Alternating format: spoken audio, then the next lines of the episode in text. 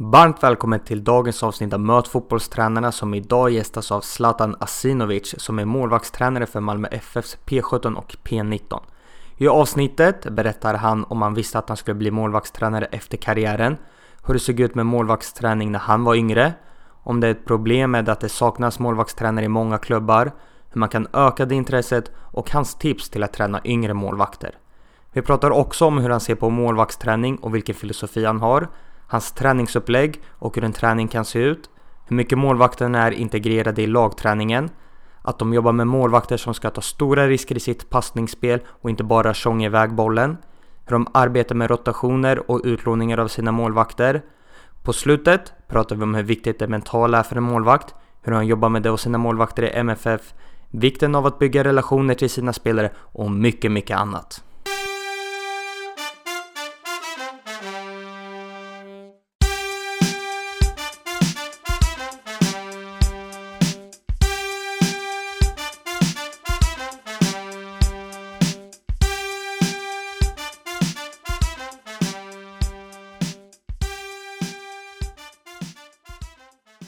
Ålder? Eh, 32. Familj? Sambo. Bor? Eh, Västra Hamnen i Malmö. Bästa spelaren du har tränat? Eh, I och med att jag jobbar med ungdomar så känns det orättvist att svara på den frågan. Så jag får, jag får säga pass på den faktiskt. Favoritlag? Inte.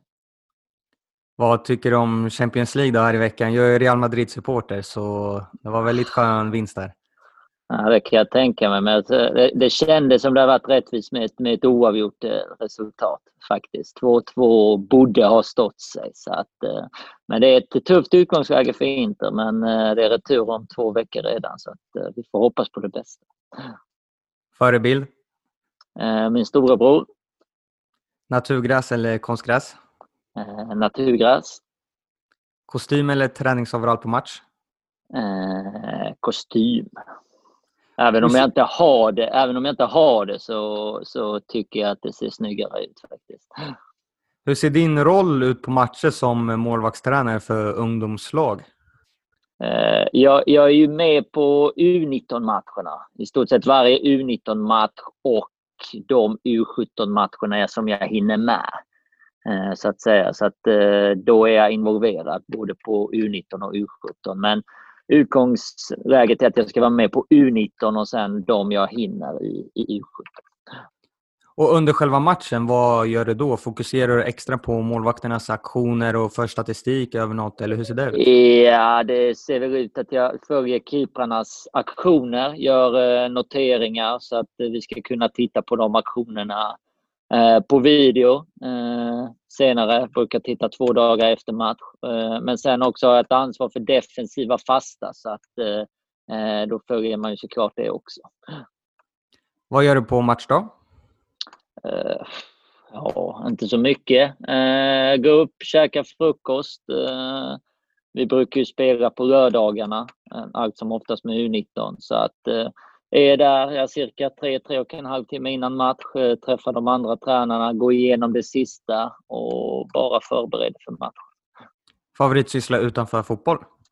Eh, umgås med min sambo, eh, läsa böcker. Det är väl de två sakerna.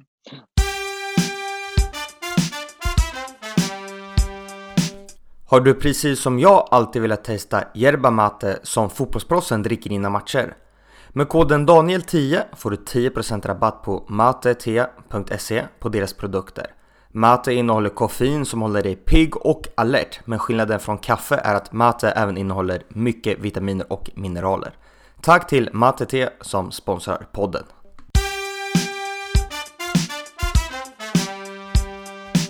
Varmt välkommen till Möt fotbollstränarna jag säger till Zlatan Asinovic. Tack så mycket.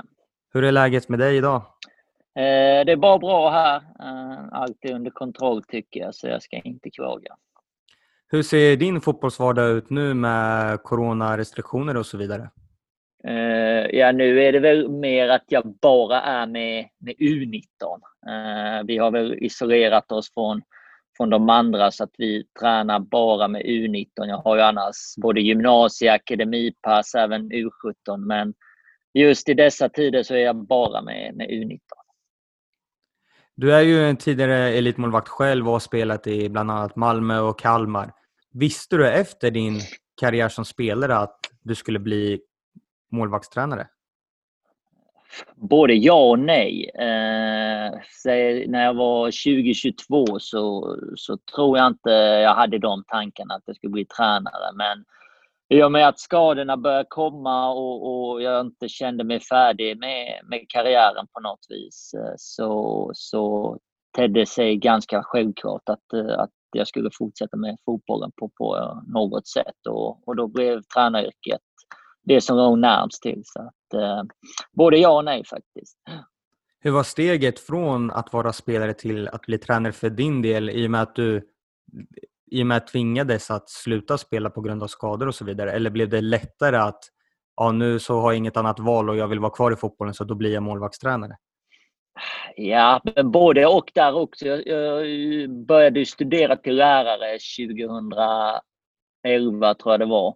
Eh, och då hade jag ju ändå det eh, att falla tillbaka på. Det känns ju som att eh, eh, okej, okay, nu ska jag bli tränare är ju kanske inte det enklaste utan det är ju inte så, så många som får, får jobba med det på heltid så att säga. Så att eh, när jag, när jag bestämde mig för att lägga av så drog jag mig till läraryrket, till mina studier. Men sen så började jag jobba lite mindre föreningar och, och tyckte att det, det var jäkligt intressant. Och, eh, bestämde mig då för att nej, men detta vill jag nog satsa vidare på. Var det givet att det skulle bli just målvaktstränare eller har du även haft tankar på att bli vanlig lagtränare? Nej, det har väl nog bara varit målvaktstränare i och med att eh, jag har ett enormt intresse för det. Ett intresse som har vuxit fram ännu mer så, så känner jag mig eh, trygg med det och jag tycker också att det är jäkligt skoj att göra de, de bitarna. Så att eh, det är väl det jag fokuserar på. Innan jag själv blev tränare så var jag också målvakt och alla målvaktstränare som jag har haft har själv varit målvakt någon gång. Tror du att man kan bli målvaktstränare utan att ha varit målvakt som spelare själv?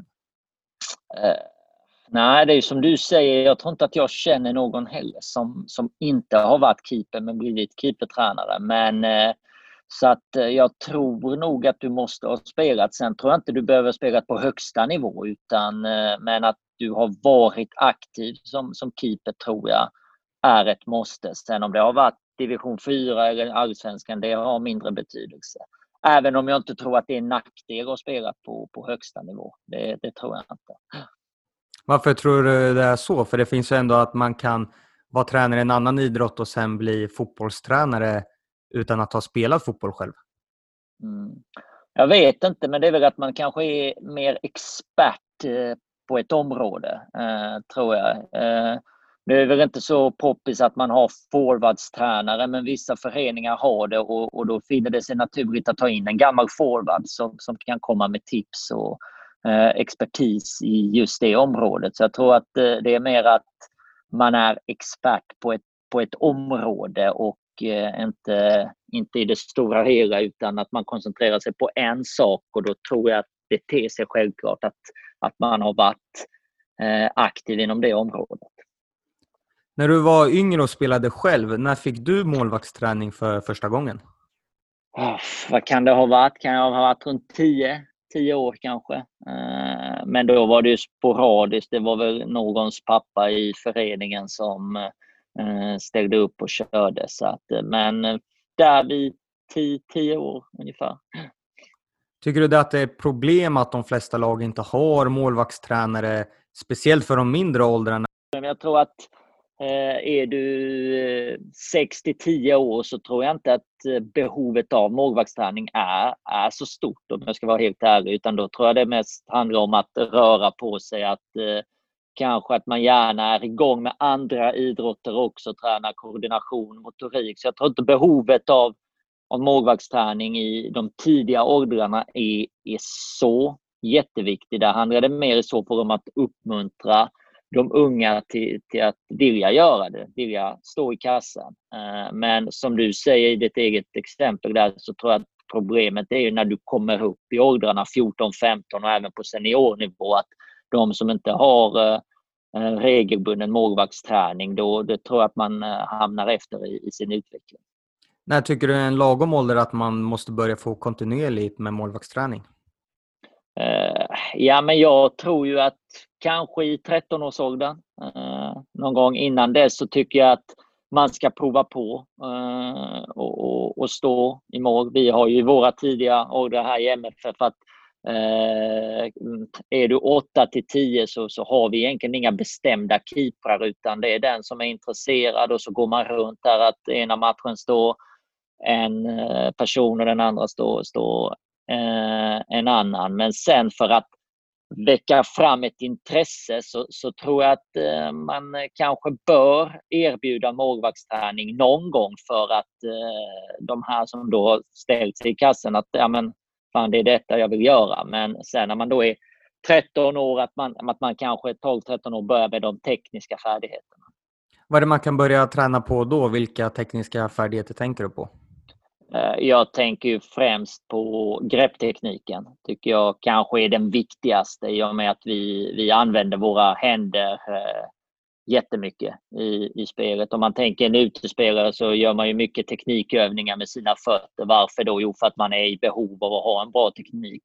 Jerry oss också, fast eh, med händerna med. Så att eh, greppteknik, hur man fångar den, men även eh, eh, tekniken innan man kastar sig. Så att eh, just öva på de här grundbitarna. Hur, hur går jag ner och fångar eh, ett skott längs marken? Hur fångar jag det om det kommer lite högre upp och, och de bitarna. Om man lyssnar om man är tränare för de åldrarna men inte har en målvaktstränare. Hur tycker du då att man kan stötta målvakterna i deras träning?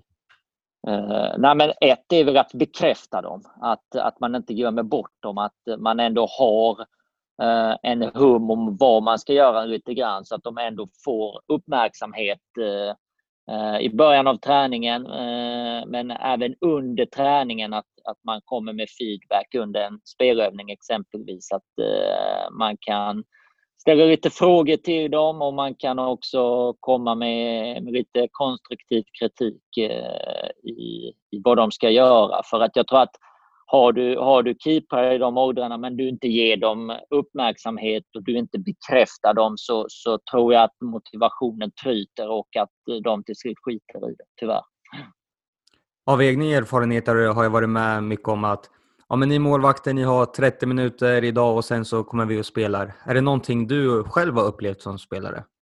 Eh, ja, men det har det ju varit innan eh, när, man, när man inte hade målvaktsträning. Då, då är det ju det här, ja, men eh, 20 minuter, sen ska ni vara redo. Eh, och det är det jag menar, då, då, det, då är det ju inte att man bekräftar keeprarna eh, på det sättet, utan då är det mer att sköt ni er själva och sen kommer vi behöva er om 20 minuter och då ska ni vara redo istället för att eh, kanske ha har du två tränare exempelvis i, i, en trupp att en av dem kanske första 20 minuterna eh, är med keeprarna, kör någon form av uppvärmning och jobbar med eh, några av de tekniska färdigheterna för att just bekräfta dem och, och, och visa att eh, de är viktiga. Tycker du det är ett problem att man gör så, att man bara skickar iväg målvakterna? Man hade väl aldrig skickat iväg utespelarna och sagt vi kommer om 20 minuter med målvakterna, då ska ni vara redo för spel? Nej, det är konstigt det där faktiskt. Det, det skulle man ju aldrig göra. Men med keeprarna gör man det, även om jag tycker att det har blivit mycket bättre i de frågorna. Jag tycker att förbundets utbildningar tar upp de här frågorna jättebra så att de, de som går eh, utbildningarna är medvetna om eh, de här bitarna. Så att jag tycker att det har blivit mycket, mycket bättre på senare år faktiskt. Vad kan man göra för att öka intresset och få fler målvaktstränare i klubbar? Ja, jag tror ju det är ju ett steg har ju varit de här utbildningarna. Att det behöver inte vara en målvaktstränarutbildning utan det kan ju vara Träna C, Uefa B, de här att, att man nämner eh, keeprarna i en, i en större kontext eh, så att säga. Så att eh, de får vetskap om hur man ska jobba och varför man ska jobba med, med keeprarna. Så att, eh, jag tror att det har blivit mycket bättre. Sen så tror jag det handlar om eh, ekonomi, att eh, göra, det är många som vill ha bra keeprar, man vill ha keepertränare men man vill inte pröjsa för det. Eh, Eh, så att det är en ekvation som inte går upp men är de då medvetna, föreningarna, om vikten av att ha en bra målvaktstränare så, så kan man eh, också betala för att ha det. Du var ju lite inne på det tidigare, men kan du beskriva hur din roll ser ut i MFFs akademi idag och eh. dina ansvarsområden? Eh, ja, ett är, framförallt så är det U19 och U17, eh, keeprarna där. Eh, men sen har jag även gymnasieträningarna på, på förmiddagarna, eh, måndag till fredag och då har jag ju oftast våra U19 och U17-keeprar där. Sen så har jag även eh, ett akademipass med de som går i årskurs 9 eh, på förmiddagarna och det är ju också eh, våra MFF-keeprar som då är i U16-truppen. Så att man skulle kunna säga att jag har U19, U17 men, men även U16 en gång i veckan. Hur ser du då på målvaktsträning och vad är din filosofi när det kommer till det?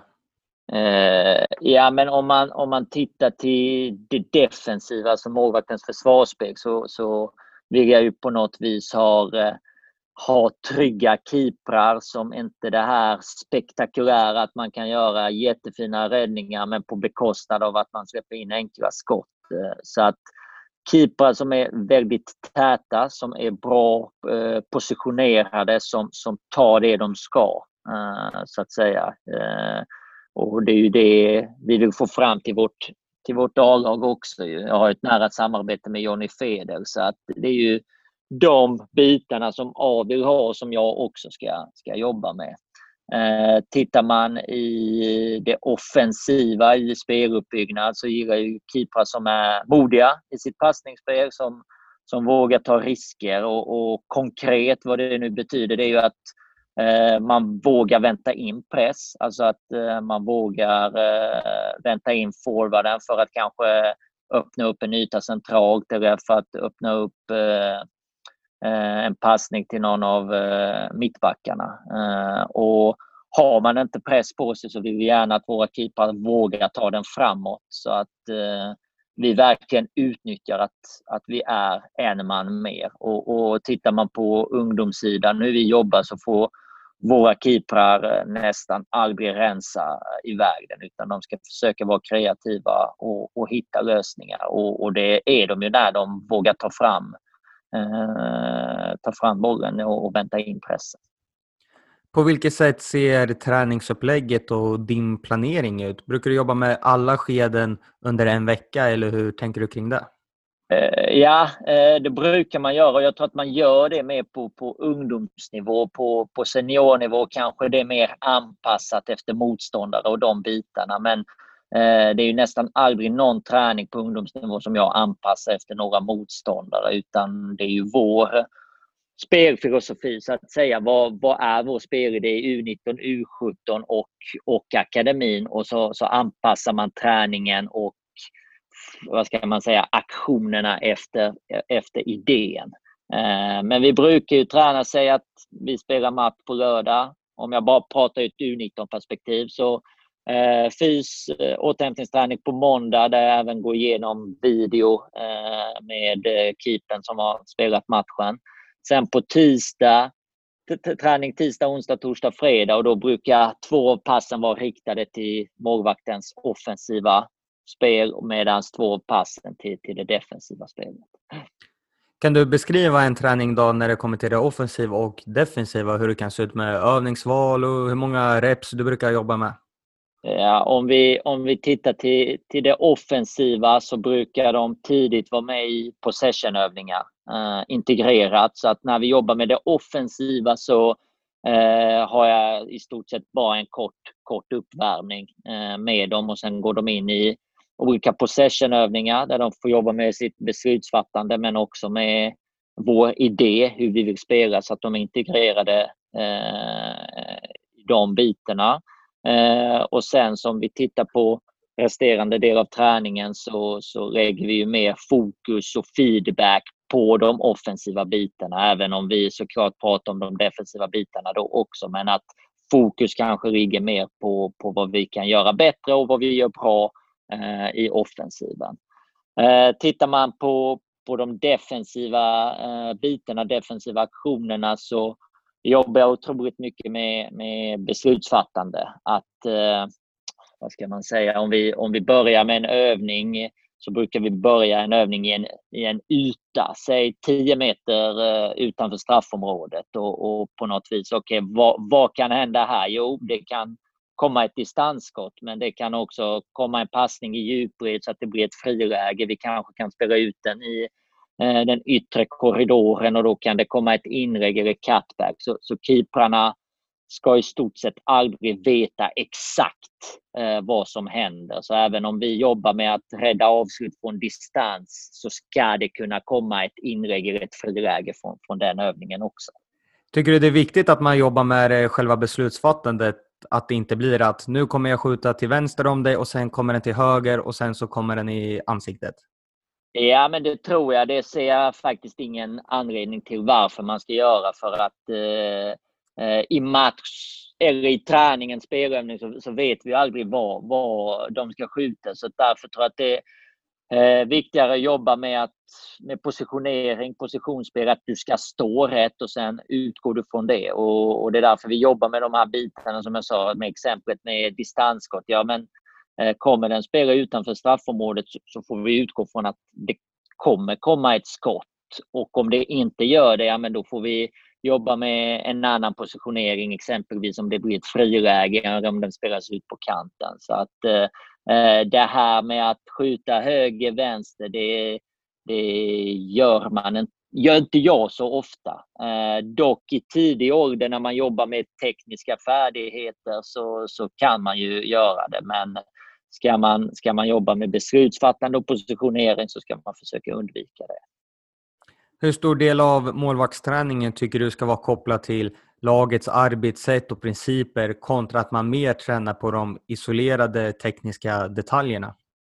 Eh, ja, men jag tror nästan allting ska vara kopplat till, till lagets arbetssätt. Det, det, det, måste nästan vara det. Eh, för att därifrån, utifrån vårt sätt att spela i MFF Ungdom, så uppstår det eh, målvaktsaktioner som, som vi tränar på både integrerat eh, och eh, isolerat. Sen som jag sa, det finns ju alltid ett syfte med att träna de tekniska färdigheterna för att utföra de här eh, aktionerna så bra som möjligt. Så att eh, ska man göra en aktion så bra som möjligt så måste det finnas en, en teknisk färdighet men det måste också finnas en fysisk färdighet så att de detaljerna måste man såklart också, också jobba med.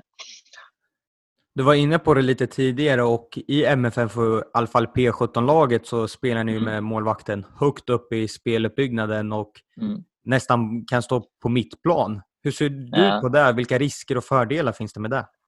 Uh, ja, risker är ju att vi kan släppa in uh, skott som går in från halva plan. Det är klart att står man högt med keepern så Eh, och vi tappar den eh, runt mittplan så, så bjuder det in till att de kan skjuta in den därifrån. Men jag ser nästan bara fördelar med det.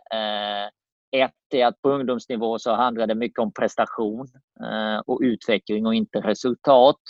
Eh, och det som vi framförallt i U17 har jobbat med det är att vi vill utnyttja att vi är en man mer än motståndarna. Och Såvida deras keeper inte sätter press på någon av våra spelare så, så, så är vi ju en man mer. Eh, och jag tror också att eh, det utvecklar keepern till att, till att våga vara kreativ och utveckla också spelet med fötterna. Men framförallt så utvecklar det vårt spel att vi är en man mer än motståndarna. Ni jobbar ju ganska på ett spännande sätt med era målvakter som bland annat i speluppbyggnaden och på defensiva hörner, ha målvakten som en zonspelare att stå lite längre ut. Hur utvecklande är det för dem och hur mycket kan de ta med sig in i sin framtida karriär att spela lite annorlunda än vad man kanske gör i andra klubbar och lag?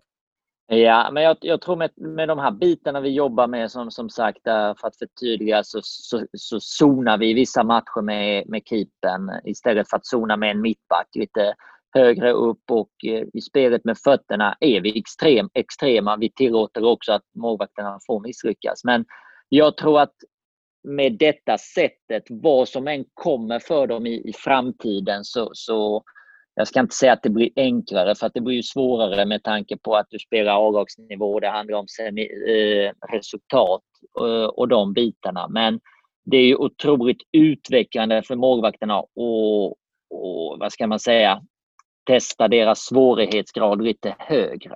Eh, och, och, det gör vi ju med, med de här bitarna.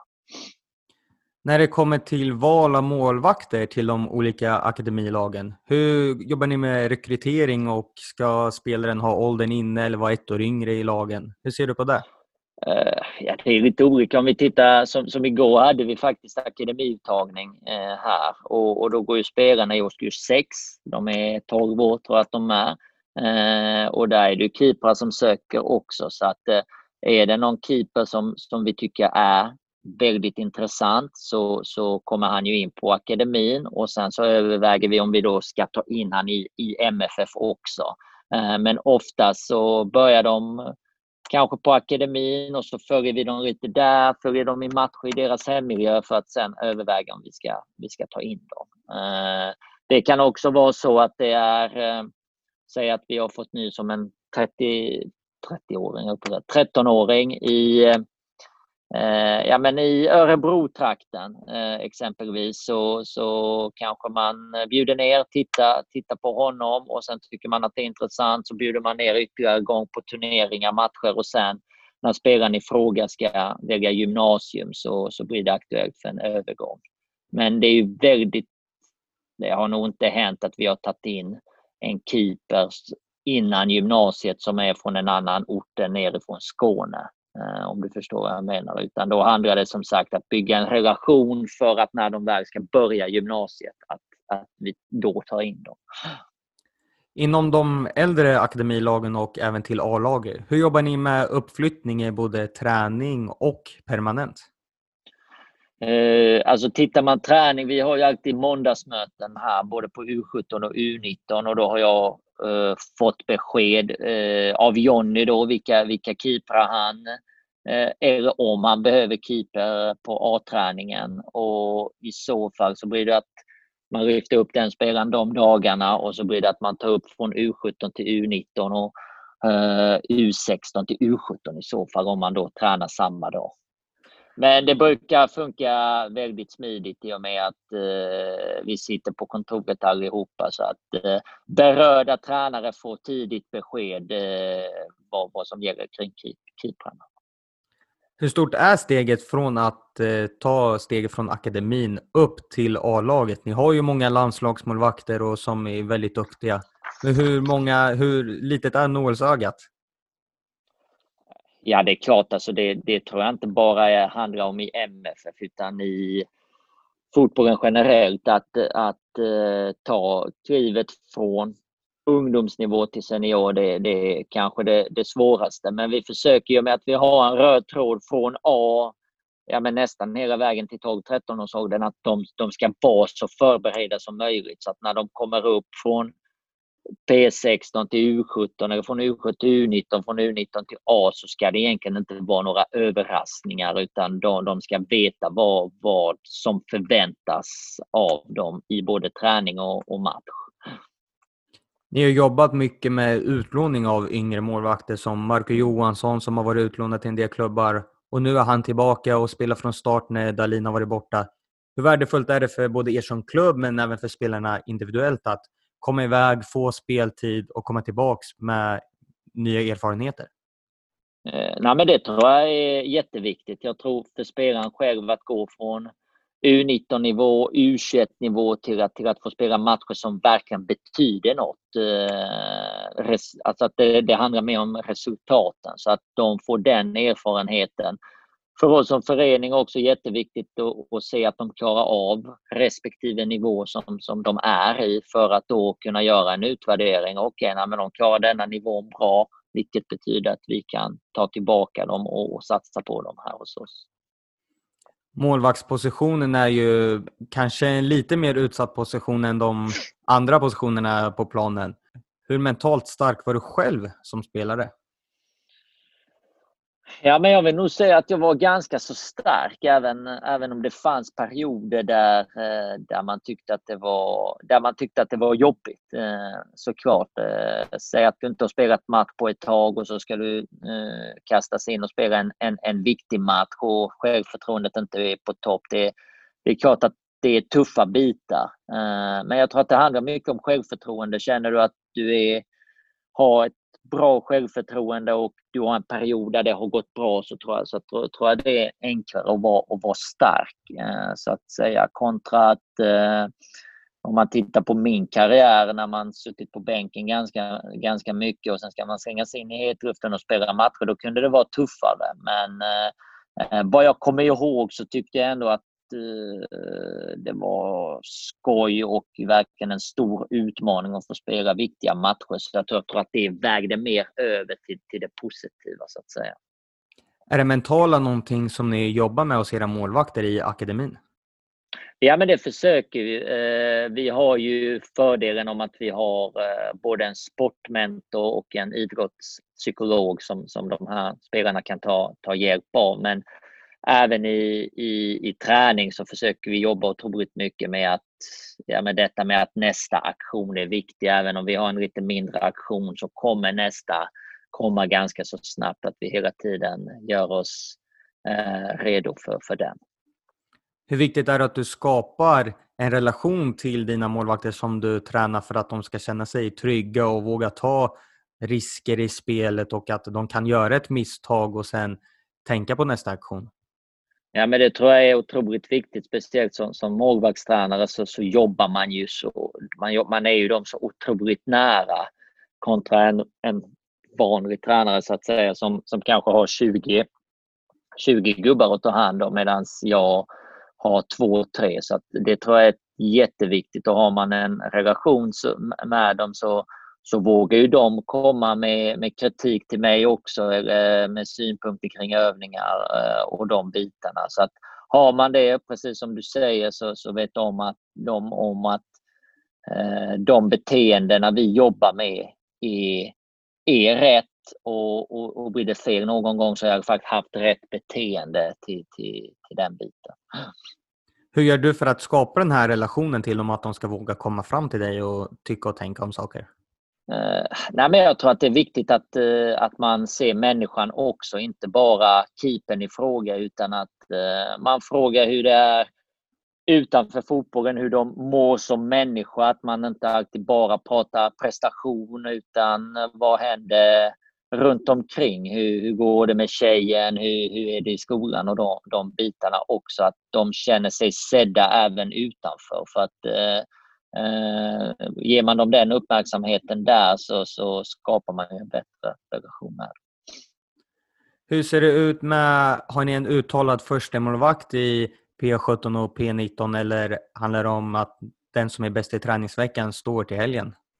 Uh, ja, det, det, skulle jag vilja säga att det mer handlar om. Vi har ingen bestämd, varken U19, U17, även om än eh, kanske spela fler matcher. Men mycket handlar om vad du gör, eh, vad du gör i träning. Eh, men också hur, hur det har sett ut i, i matcherna också. Sen försöker vi alltid få att de keeprarna vi har i U17 och U19 tror vi, ju, tror vi ju stenhårt på så vi försöker på något vis erbjuda matcher till samtliga. Fördelen är att vi har ganska så unga keeprar så att eh, i årets U19-trupp så hade vi en keeper som kunde spela i U17 och i årets U17-trupp var båda keeprarna eh, aktuella för att spela i U16. Så att eh, vi, vi försöker alltid ge dem matcher och det tycker jag har funkat bra i år. Det blir lite speciellt med målvakterna som tränar tillsammans varje dag och sen är det bara en som får spela och då ska den andra stötta den andra målvakten. Hur jobbar du med det? Eh, nej, men det, det har jag faktiskt inte behövt jobba med så mycket. Det har ändå tett sig så, ganska så självklart att eh, eh den, den keepern som inte eh, står eh, har ändå en förståelse för att varje träningspass är en investering för, för honom själv. Så att eh, eh, det är klart att man kan vara besviken att man inte får spela match, men det blir ändå att man får ha humöret uppe göra träningarna så bra som möjligt för att någonstans är det en investering i sig själv. Så att eh, jag tränar för mig själv och gör det så bra som möjligt för mig själv. Och vi har otroligt målmedvetna keeprar här så att det problemet har jag faktiskt inte upplevt eh, än. Och jag hoppas att det, det fortsätter så. Ser du någon skillnad där i eh, att man ska stötta den andra som man konkurrerar med på ett annat sätt om man, en eh, mittback ska stötta de andra två mittbackarna som startar? Eh, nej, det ser jag väl egentligen inte. Eh, nej, det kan jag inte säga, men jag, jag, jag, tycker att det är självklart att även om man inte får spela så ska man komma till träningen och ge max. Man ska berömma den andra keepern, men det behöver ju inte gå till någon överdrift heller så att säga. Mer än att eh det enda jag kräver av mina keeprar är att eh, eh, de är schyssta mot varandra och att eh, de alltid ger 100 i träning. Du gör väl en undersökning hos målvakterna i akademierna kring det mentala? Ja, det stämmer faktiskt. Jag går Uefa MVA och då ingår det att göra Eh, en uppsats och det handlar väl mest om, om nervositet hos keeprar och hur, hur de hanterar den och hur jobbig den är för dem. Och då har jag koncentrerat mig på U19 och U17 eh, där. Så att eh, jag har inte sammanställt svaren än men eh, eh, det är klart att, eh, utan att säga för mycket nu, så att eh, det är klart att nervositeten påverkar eh, keeprarna i, i, deras prestationer och det tror jag har att göra med att det är en så utsatt position att eh, misstagen syns mycket mer än hos exempelvis en innermittfältare eller forward. Är det här någonting du tror kommer bli större och som man kommer jobba med ännu mer i framtiden hos målvakterna? Eh, ja, men det tror jag. Eh, det tror jag definitivt att man kan hjälpa dem med. Jag tror till exempel inte många föreningar Eh, ha en mental tränare eller idrottspsykolog som, som kan hjälpa dem i, i, i dessa frågor. Så att jag tror att eh, eh det kommer bli ännu viktigare att eh, hjälpa keeprarna med, med de bitarna. För att oavsett hur bra du är, vilken eh, teknik du har, hur bra spelförståelse du har, hur bra fysik du har. Kan du inte hantera den här, de här mentala bitarna så, så hjälper det ju inte så mycket hur bra du än är. Utanför MFF har du ju även varit med på landslagssamlingen för ungdomslandslagen. Hur kul och mm. utvecklande är det? Eh, otroligt mycket. Eh, just att få, få spela internationella matcher, eh, få mäta sig med de bästa eh, är otroligt inspirerande. Så att eh, varje gång jag är med där så, så, så njuter jag verkligen. Hur ser du på framtiden inom din tränarkarriär? Eh, nej men jag, just nu trivs jag jättebra här i MFF eh, med, det, med det jag gör. Det är verkligen en ynnest att, att få jobba med detta eh, på heltid. Eh, så att eh, jag njuter varje dag men det är klart att någon gång i framtiden och då pratar jag nog för samtliga tränare på ungdomsnivå att man, att man vill testa sig på eh, seniornivå. Men som sagt, jag trivs jättebra på ungdomsnivå där det mer handlar om prestation och utveckling och, och då kan man jobba med de här bitarna som vi pratat. Vi är eh, modiga i vårt risktagande i, i speluppbyggnaden. Vi kan prova saker som man kanske inte skulle kunna testa på seniornivå. Så att eh, jag tror för min egen skull kan jag utvecklas ännu mer genom att jobba på ungdomsnivå. Vilken tränare skulle du vilja lyssna på i podden? Uff, Ska jag ta någon? Jeffrey Aubin, har du haft honom? Nej, då skulle vi kanske ta in honom där. Eh, även Kenneth Mattsson, målvaktstränare FC Rosengård. Eh, så det är väl de två jag hade varit spänd på att lyssna på. Faktiskt. Då får jag tacka för att du tog dig tid och lycka till i framtiden. Mm, tack så mycket.